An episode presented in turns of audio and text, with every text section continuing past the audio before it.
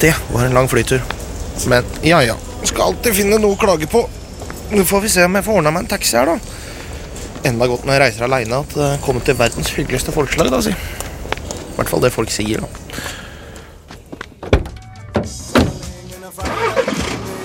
G'day, mate. How's it going? Hei. What brings you to Australia? You can tell me over supper. I'm having some friends over and we've already put some shrimp on the barbie and got some booze in the esky. You can't say no to that. Uh, yes. Vitenselskapet.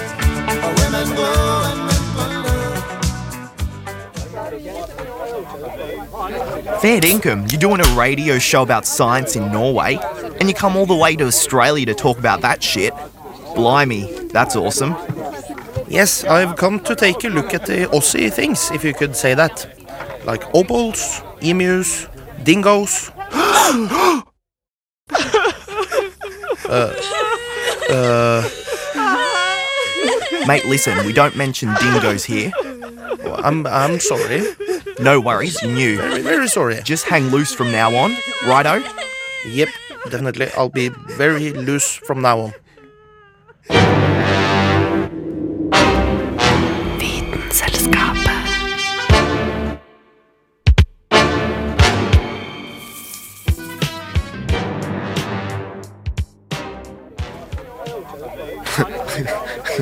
And then she said, I'm just glad to get the paper for free every morning. Crikey.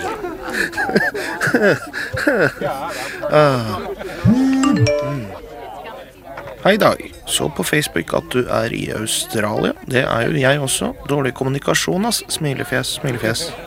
Driver og graver etter opaler. Er det relevant for sendinga? Å, oh, shit. Det her har jeg jo helt glemt. Uh, tar gjerne imot litt fakta om opaler. Smilefjes. Send. OK er på vei ned nå, så kan linke opp opptakeren min på vei ned i sjakta. Så kan dere høre meg grave live. Ja, det er jo bra.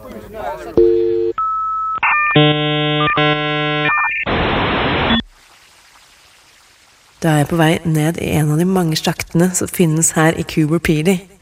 Coober Pedy er vel kjent som en slags opalhovedstad her i Australia, og det kan i hvert fall landskapet rundt bekrefte. Dere kan jo tenke dere en endeløs slette, eller, eller en ørken, ja, det blir kanskje riktigere å si, med rødlig jord så langt øyet kan se. Rundt omkring overalt på dette enorme området kan man se tusenvis av store sandhauger, og hver sandhaug viser at her er det bygd en sjakt, sånn som dette, eh, kanskje 20 meter dyp. Og her finnes visstnok opalene, disse vakre steinene med det fine fargespillet. Skal vi se, da har jeg kommet helt ned, så da gjelder det bare å hakke litt løs med denne berghammeren. Det som er med opaler, er at det faktisk er en veldig liten andel av opalene som er de fine som vi tenker på som opaler. 95% av all opal er egentlig bare kjedelig fargeløs stein.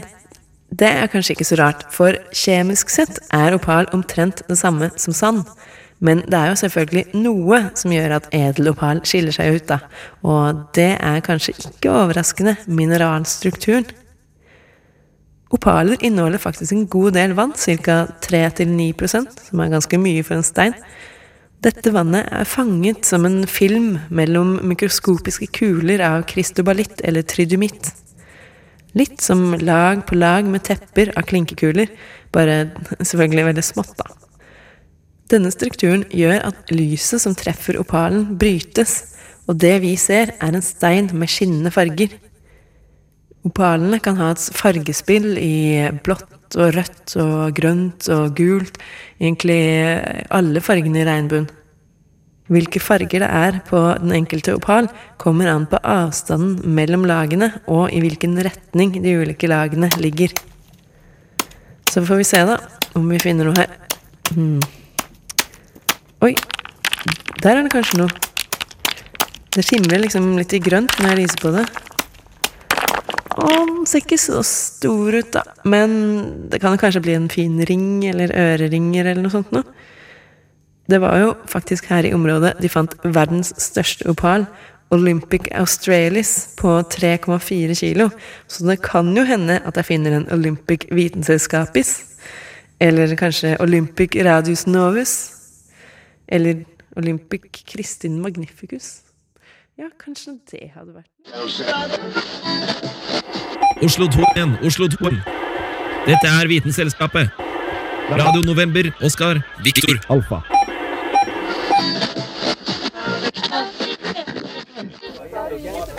Uh, ja, det er tida fryktelig fort, da.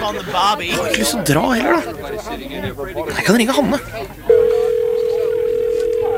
Hei, Hanne. Håper du har det bra. Her er det kjempefint nede i Australia, altså. Uh, du, jeg har uh, havna i en liten pickle her, skjønner du. Uh, kunne du tatt oss og laga en sak til sendinga fra Australia? Så du kunne jo laga noe med noe geologisk i seg, eller et eller annet. Jeg vet ikke. Uh, kjempefint. Ha det.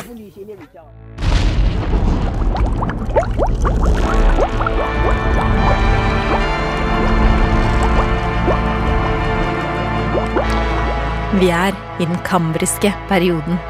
For omtrent 500 millioner år sia. I havet foregår det en eksplosjon av nye dyrearter. Blant annet bløter, ledder, nesledyr og pigghuder svømmer omkring. I en framvekst av arter som kalles den kambriske eksplosjon. På landjorda er det imidlertid stille. Et øde ørkenlandskap der få eller ingen dyr eksisterer. Men spoler man år for år fort framover, ser man at det likevel skjer store endringer med klodens kontinent på denne tida. For Australias del er det særlig framveksten av én landmasse som er interessant. Gondwanaland er under dannelse. Superkontinentet Gondwanaland, eller Gondwana, dannes ved at mange små landmasser, som til nå har eksistert som selvstendige kontinenter og øyer, dundrer inn i hverandre som følge av platetektonisk bevegelse. Fordi kollisjonen skjer med hastighet tilsvarende noen centimeter årlig, legger nok ikke de kambriske havdyrene merke til noe som helst. Men verden rundt dem er i endring. Mesteparten av det som skal bli til Sør-Amerika, Afrika, India, Antarktis og Australia, er samla til ett gigantisk kontinent på den sørlige halvdel av kloden. Og slik er Gondwana i Kambrium. Dekka av en planteløs ørken omgitt av sydende havliv. Men tider kommer og tider går. Et par hundre millioner år seinere, i karbontiden, har Gondwanaland bevega seg mot Sørpolen, og mesteparten av kontinentet er dekka av is. Frodige skoger og landdyr har kommet og gått, og dyrelivet i havet det er kraftig redusert etter en midlertidig reduksjon av havnivåene. Selv om det ikke er mange dyr til stede som kan bevitne det, er Gondwana på full kollisjonskurs med det nordlige superkontinentet, Laurentia.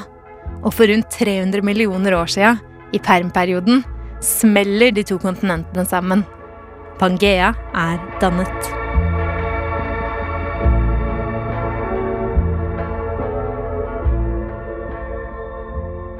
Selv om langt over halvparten av dyrelivet på land og i vann utryddes mot slutten av permperioden, fører sammensmeltningen av Larentia og Gondwanaland til at gjenlevende dyr kan spre seg til nye områder på land. Ekteskapet mellom det sørlige og nordlige kontinentet varer imidlertid bare litt lenger enn 100 millioner år. I juratida, for ca. 180 millioner år sia, begynner de to kontinentene å gli fra hverandre. Som for de fleste ekteskap som går i stykker, skjer heller ikke dette breakupet smertefritt. Og selv om hun prøver å holde seg samla, blir Gondwanaland aldri seg selv igjen. Øst-Gondwana, med Antarktis, India og Australia, bryter seg løs fra Afrika, samtidig som Sør-Amerika flyter vestover, og oppsplittingen av Gondwanaland akkompagneres av skrik fra massive utbrudd av basaltlava fra under jordskorpa.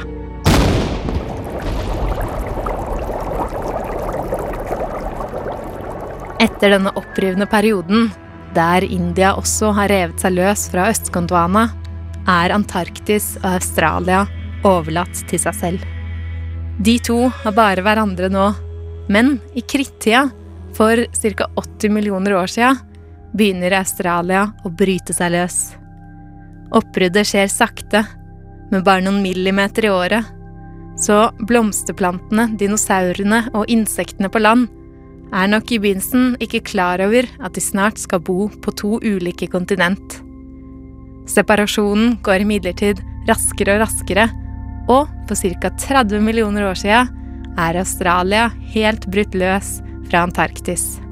Spor etter Gondwanalands fortid finnes imidlertid fortsatt, i funn av hva som kaller gondwanske arter, like levende organismer som finnes både i Sør-Amerika, Afrika, India, New Zealand og Australia. En gang var de alle del av samme kontinent, men de er nå delt av hav. Fram til de kanskje samles igjen om 250 millioner år.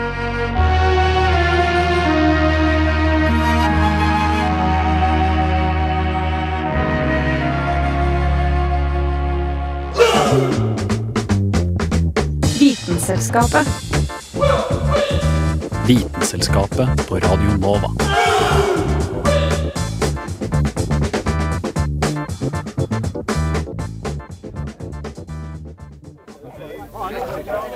Could you grab me a stubby holder? Of course. Here you go. Thanks, mate. Bør jo nesten komme meg av gårde. Carl maste jo høl i huet på meg før jeg dro om at jeg måtte oppsøke noen emuer og prøve å klappe litt og sånn. Men nå er jo grillspyda straks ferdig, da. Hang loose. Ja, ja. Han fiksa uansett noe greier, sånn, så da holder vi det loose. Den australske emuen er i all hemmelighet ei drapsmaskin. Den ser kanskje ikke så skummel ut på avstand. Du har å gjøre med en stor fugl som ikke kan fly. Kommer du litt nærmere, derimot, blir perspektivet et helt annet. Fuglen kan på det meste rage 190 cm høy, altså høyere enn de aller fleste. Samtidig er kroppen halvannen meter lang. Det er ingen liten sak en har med å gjøre. Føttene er imidlertid som fyrstikker å regne, så den største emuen veier ikke mer enn 60 kilo. Lett, tenker du. Den fjørvekta hamler jeg lett opp med. Nja, på grunn av den lave vekta kommer du til å slite hardt med å komme deg unna den sinte emuen. De kan nemlig komme seg opp i 48 km i timen, beinene fram på de to lange føttene sine. Med to og tre kvart meter steg flyr fuglen nærmest langs bakken.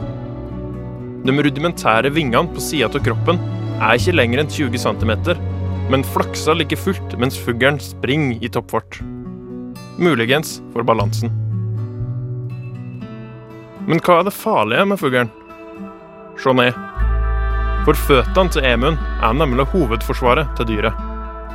Foten er som en djevelgaffel. Tre tær holder emuen på føttene, og på enden av disse tærne er det sylkvasse klør. Tåa og kloa til sammen måler imponerende 15 cm. Når emuen da sparker hardt, viser det seg at den er av de rammere dyrene i Australia. Du kødder ikke med en emu, og om du prøver å komme deg unna, må du springe forbanna kjapt.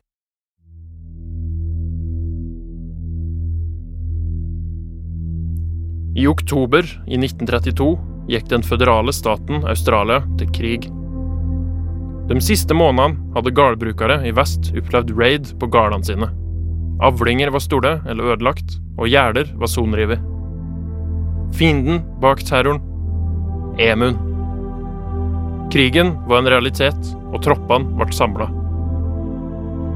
Under ledelsen til major GPW Meredith av Det kongelige australske artilleri ble den 2. november 1932 to tapre sjeler sendt inn i kamp. Soldatene var utstyrt med maskingevær av typen Lewis og hadde 10 000 kuler. It's emo killing time. Den første trefninga mellom australske og emuiske tropper henta utafor Campion. En tropp på 50 emuer møtte de tre soldatene. De forsøkte forgjeves å legge seg i bakhold på fuglekompaniet. Fuglene var for langt unna til at de kunne skytes. Andre runde med avfyrte skudd innebar imidlertid et lite antall falne emuer. Dyrene samla sine sårer, og sammenstøtet var over. To dager seinere kom neste blodgytning. Minst 100 emuer i formasjon ble sett ved ei demning i nærheten. Nå venta krigerne med å åpne ild til fuglene var nærmere, og tolv fugler ble drept. Men så låste de australske Louis-geværene seg, og de vettskremte emuene kom seg unna før flere gikk tapt. De følgende dagene prøvde major Meredith sitt beste for å få livet av emuene. Han marsjerte sørover, der han til og med prøvde å montere et av geværene på en lastebil. Denne ideen viste seg å ikke funke. Det ble aldri stabilt nok til å kunne fyre av. Etter seks dager med krig ble troppene trukket tilbake. De smidige og raske muene viste seg å være ei utfordring for den australske hær. Og emuene si herjing fortsatte. Få dager senere ble Meredith og kompani på nytt sendt ut til fronten. Krigføringa ble gradvis mer effektiv, og etter hvert kunne to soldater skryte på seg og drepe 100 emuer for uke. Når Meredith ble endelig tilbakekalt i desember, hadde nesten 1000 emuer dødd i krigen, mot null australiere. Krigen ble avslutta på tampen av 1932 og ble aldri gjenopptatt. I stedet ble et system med belønning for drepte emuer satt opp, og etter hvert ble dette vellykka. 60 000 emuer ble drept på et halvår i 1934. Den rare fuglen måtte si krigen tapt, men lever fortsatt i Vest-Australia. Her er en av hobbyene å gå opp til folk og dyr og prikke dem i bakhugget med nebbet, for så å springe alt den har unna. Da han har vært starta kriger over mindre.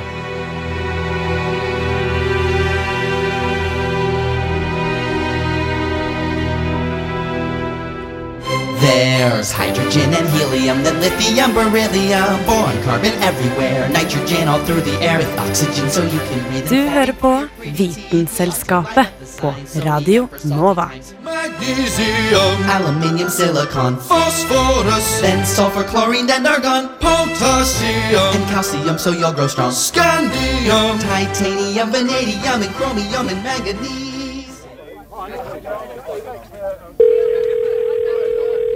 Hei, Lise. Husker du jeg sa at jeg skulle finne en biolog til å snakke om alle de rare tinga her nede i Australia, eller?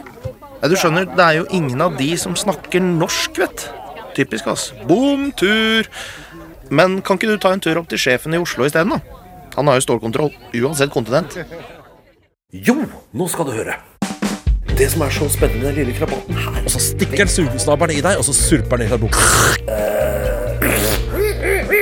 Flash, flash, flash. Blim, blim, blim, blim, blim, blim, blim.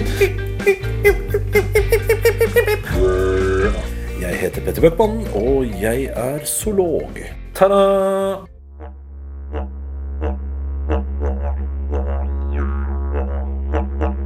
Fem på topp. Australias rare fenomener. Nummer fem. Blåtungeskinken. Dette her er en firfisle, en litt sånn feit, det er en hel slekt av dem. Feite, litt sånn rullepølseformede firfisler med bitte små armer og bein. Det er så vidt de kan bakse seg av gårde. Og det gjør at de kan jo fort bli spist, for når du ser ut som en rullepølse og så ikke smaker som en rullepølse og ikke har så veldig mye bein, så ligger du litt dårlig an. Så de må ha en forsvarsmekanisme. Det fins mye rare forsvarsmekanismer i Australia. Blåtungeskinken er blant de rareste. Når den blir redd, geiper den til deg med en blå tunge. Det er forsvarsmekanismen til blåtungeskinken. Den viser altså fram en blå tunge, og den er, det er signalblå. Altså du kan skvette litt av den. Og de fleste dyr skvetter akkurat nok til at blåtungeskinken rekker å komme seg rundt hjørnet og ned i et hull. Den bor da typisk et lite hull i bakken. På femteplass blåtungeskinken. Dyret som i forsvar ikke biter deg, ikke spurter sin vei, men geiper til deg. På fjerdeplass en manet. Maneter tenker ofte ikke folk så mye på, men de er altså en del av dyreriket, og i Australia så har du noen du bør tenke på. Der har du den beryktede kubemaneten. Og kubemaneten, det er et underlig dyr. Den har øyne liksom langs kanten på klokka. Den vifter med klokka akkurat som alle andre maneter, men den har også bitte små øyne langs der. Den kan se Den har ikke noe hjerne å oppfange synssansen med, men det hindrer den ikke i faktisk å gå på jakt. Den svømmer, og den svømmer opp i elva. Du er ikke trygg hvis du bader i elva engang. Og man kan si at ja, en manet, er det noe å være redd for? Yes, for den er giftig. Den er veldig giftig. Den er så giftig at hvis du kommer borti en sånn når du svømmer, så er ikke det at du dør av det med en gang, men du får gjerne et illebefinnende og sparker og spreller og får litt kramper og sånn, og så drukner du. Kubemanet, en manet som av og til dreper folk, som har øyne, og som går på jakt uten hjerne. Fjerdeplassen på Australias rart. På tredjeplass Se for deg, du er en britisk nybygger, du kommer til Australia, det er 1700-tallet, du er vant i England, og så kommer du til Australia, og der er det varmt om vinteren, og så er det snø om sommeren, og så feller ikke trærne bladene, de feller barken. Eukalyptusskogen i Australia har altså et system hvor barken rauser av trærne. Du går rundt og tråkker i snø, sånn det er på sørkysten av Australia, og så henger barken i lange klaser fra trærne, mens bladene henger like herlig på. På annenplass pungharen, eller bandikoten. Og det er en snåling. Den har bakbein som en kenguru. Den har en lang hale med en liten dusk på som en løve, bortsett fra at den er bitte liten, naturligvis. Så har den skjell på halen som ei rotte. Så har den lange ører som en kanin. Og så har den snute som en maursluker og lever av termitter. Dette er litt som du tar et sånn gjennomsnittlig dykk i, blant pattedyrene, plukker ut tilfeldige dyr, putter i en miksmaster, kjører sammen og tar ut resultatet. Da får du bandikoten. Den ser ut som den er litt av alt, og ingenting passer sammen. I tillegg så er jo dette her pungdyr, og pungdyr har vi hørt om. De føler sånne bitte, bitte, bitte små unger som kryper opp i pungen, og så blir de der til de blir store nok. Og det er fordi pungdyr egentlig legger egg, bortsett fra at de, de ruger ut eggene inni seg. Men når plomma er brukt opp, så må dyrene komme ut. Da er de bitte, bitte små. En rødkenguru som veier 100 kg. Altså unge som er ja, kortere enn ytterste leddet på en lillefinger. Bare sånn liten dert. Bandikoten derimot, den har plommesekken, altså plomma i egget, som setter seg fast i livmorveggen til mor. Litt sånn som morkaka gjør hos morkakedyr. Og så kommer ungen ut en del større. Den er ikke et ordentlig morkakedyr, den er et pungdyr, men den er, si, den er et blandingsdyr. Ikke bare i eksteriøret, men også i interiøret. Her er det altså 'surprising goes right to the bone'. Før vi kommer til førsteplassen, så må vi ha et par honorable mentions. En av de tingene som særmerker Australia, det er jo den derre eh, kastetreet til eh, de innfødte. Bumerangen. Folk kom til Australia før man hadde funnet opp pil og bue. De hadde aldri funnet opp pil og bue da de kom til Australia. Man visste ikke hva det var. Og så døde alle de store dyrene. De ble spist opp av urbefolkningen. Og da var det på tide å begynne jakten på smådyr, og da trenger du noe å ta dyr med på avstand. Og da fant de opp bumerang. Nå kan man le litt av våpen som er laget av tre helt til du ser trevirke i Australia. Det er altså knallhardt. Og den bumerangen er ikke sånn at den kommer tilbake til deg. Ideen med den er at den ikke går i en rett bane. Det du gjør, er at du hiver den mot en fugleflokk, og så letter fugleflokken. Og hvis du kan dette ordentlig, og det kan selvfølgelig de innfødte, så får hun til å skru under fugleflokken, og så skrur den seg oppover gjennom fugleflokken, som nå har letta. Plaff, klaff, glum, glam, glum. Og så går du og peller opp halvdaue fugl etterpå. Bumerangen. En annen dyr vi kanskje må eller annen ting vi må nevne der, det er ørkenpadde. Et dyr som bare lever sånn ja, hvert fjerde år, kanskje. Bortsett fra det så ligger den nede i sanda og ligger helt, helt, helt, helt, helt, helt, helt stille og bruker minst mulig vann. Og så begynner det å regne, og så graver den seg opp. Eter opp sitt eget skinn, som da ligger igjen som en sånn klatt rundt den. Eh, parer seg, lager et ras med egg, spiser de insektene han får tak i. Og når den er ferdig med det, så graver den et hull i sanden. Da har den drukket masse, masse vann. Og så legger den seg der, og så løsner det ytre laget av skinnet, og så ligger den i en kokong i fire nye år. Det er en padde som bare er padde eh, hvert fjerde år. På førsteplass Perna. Suverent rarest i Australia. Den australske lungefisken, eller Queensland-lungefisken.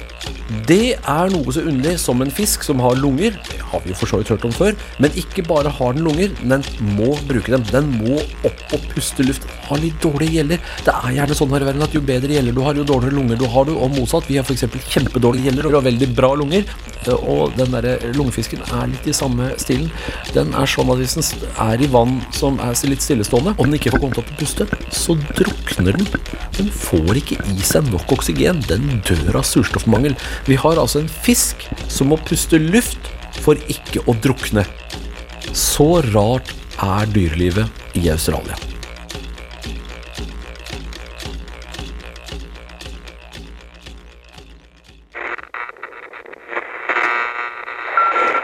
Vi avbryter den ordinære sendingen for å bringe deg verdens romsnytt.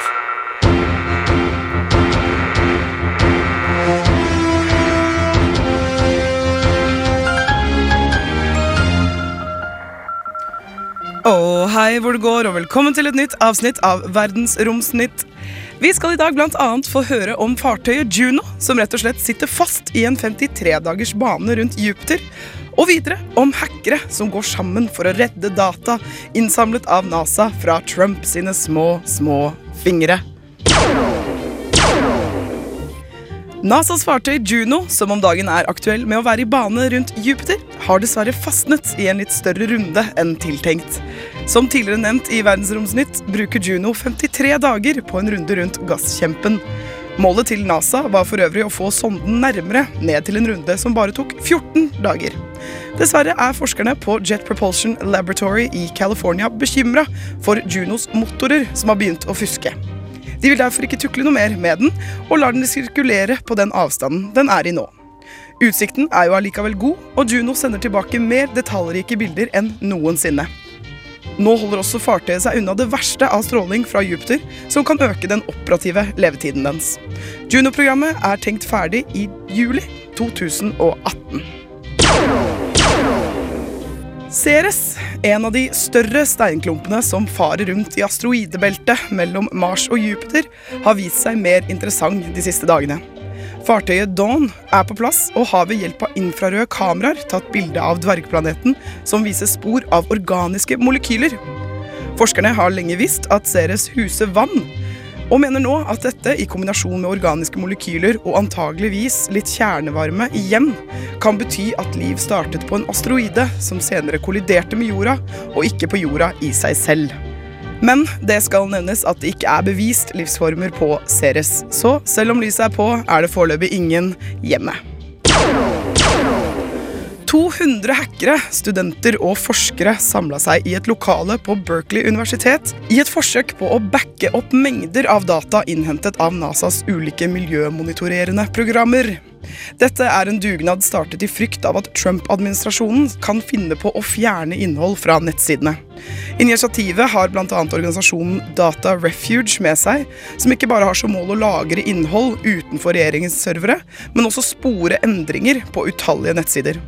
NASAs jordprogram kartlegger jordas komplekse atmosfærelag og forandringer ved mange ulike prosjekter. Alt fra å observere værsystemer til algebestander. Til slutt kan jeg nevne det som er av underholdning på nattehimlene de kommende dagene, slik at du kan ha popkornet klart. Venus skinner sterkere enn de fleste av stjernene og er lett å se, akkompagnert av en liten rød prikk, nemlig Mars.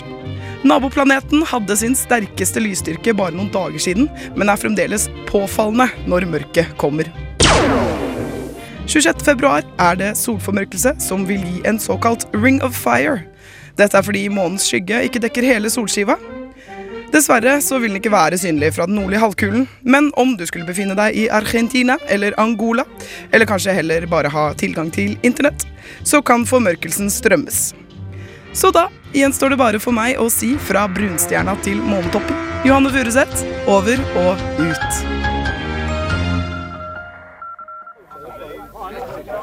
Righto. All done and dusted here. Shazza finished off the last of the goon. Da Vitenselskapet.